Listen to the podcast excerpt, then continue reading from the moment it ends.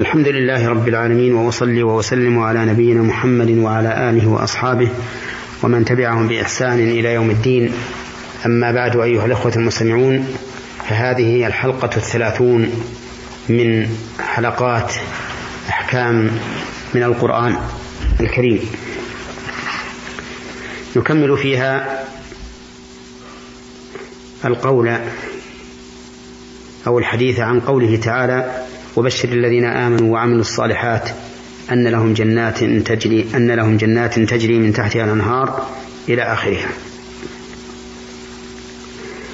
ذكرنا من فوائدها ما, ما سبق ومن فوائدها أن هذه الجنات فيها القصور الشامخة والأشجار العالية لقوله من تحتها الأنهار فإن التحت لا بد أن يكون له فوق.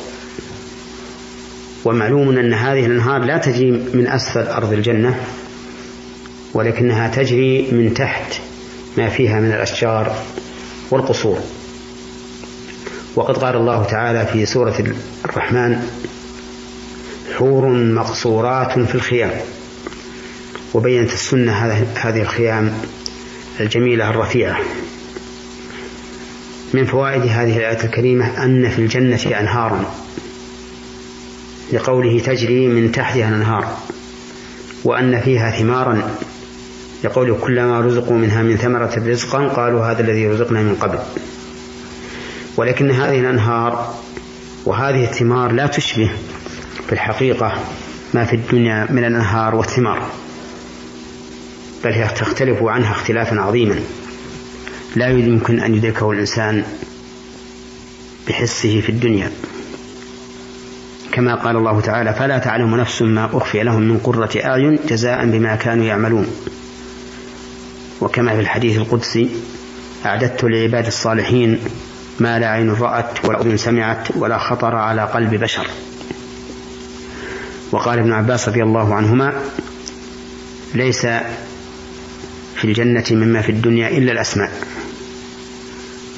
أو ليس في الدنيا مما في الجنة إلا الأسماء. يعني أن فيها اسم واسم لكن يختلف الحقيقة.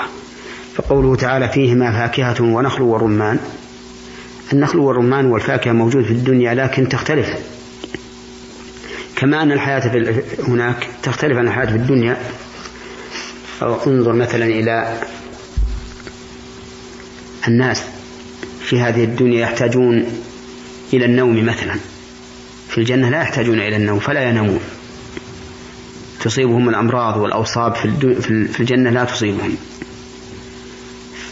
في الدنيا إذا سقط الإنسان في النار احترق ومات. في الآخرة إذا سقط في النار فإنه وإن احترق ونضجت جلودهم من النار لا يموتون. كلما نضجت جلودهم بدلناهم جلودا غيرها ليذوقوا العذاب. إن الله كان عزيزا حكيما. من فوائد هذه الآية الكريمة أن أهل الجنة كما يتنعمون بالطعم يتنعمون أيضا باللون حيث يؤتى إليهم بهذه الفواكه المتشابهة ثم إذا أكلوها صارت مختلفة عما سبق. وهذا يعطي الإنسان زيادة في اللذة وشهوة الطعام. ومن فوائد الآية الكريمة أن في الجنة أزواجا مطهرة يتلذذ الإنسان بهن ويتمتع بهن. كما قال الله تعالى إن أصحاب الجنة اليوم في شغل فاكهون. هم وأزواجهم في ظلال على الأرائك متكئون. لهم فيها فاكهة ولهم ما يدعون. سلام قولا من رب رحيم.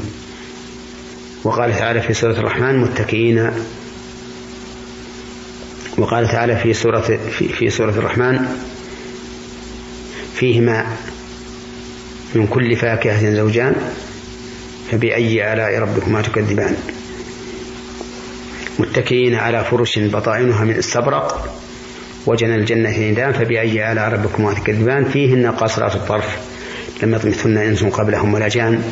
وهذا يدل على أنهم يتلذذون بهذه الزوجات في الجلوس على الأرائك والاتكاء عليها مع تقديم الفواكه من الولدان والخدم. ومن فوائد هذه الآية الكريمة أن أهل الجنة خالدون فيها. وقد بينت الآية الأخرى أن هذا الخلود خلود أبدي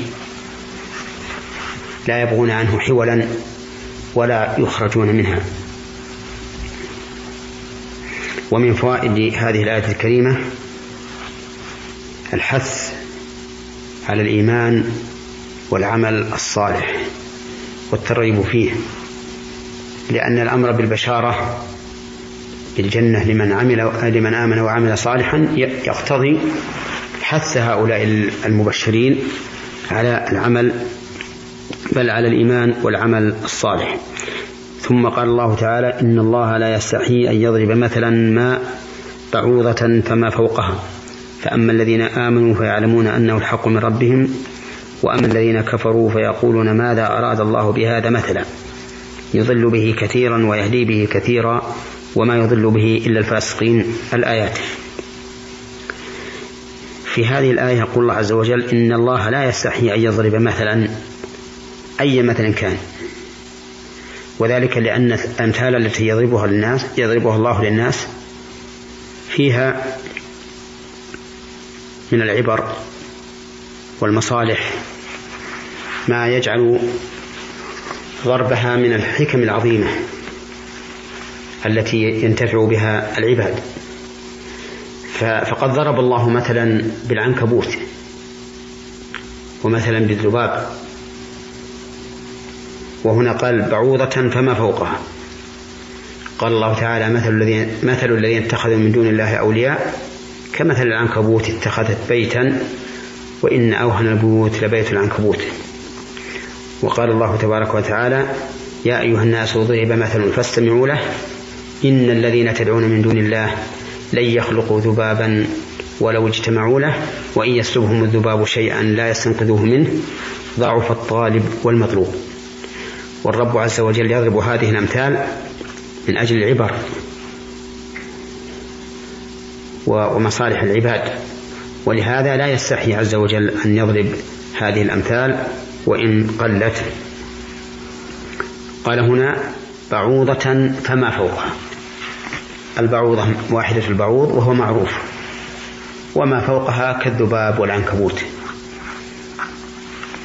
وإلى حلقة قادمة إن شاء الله تعالى.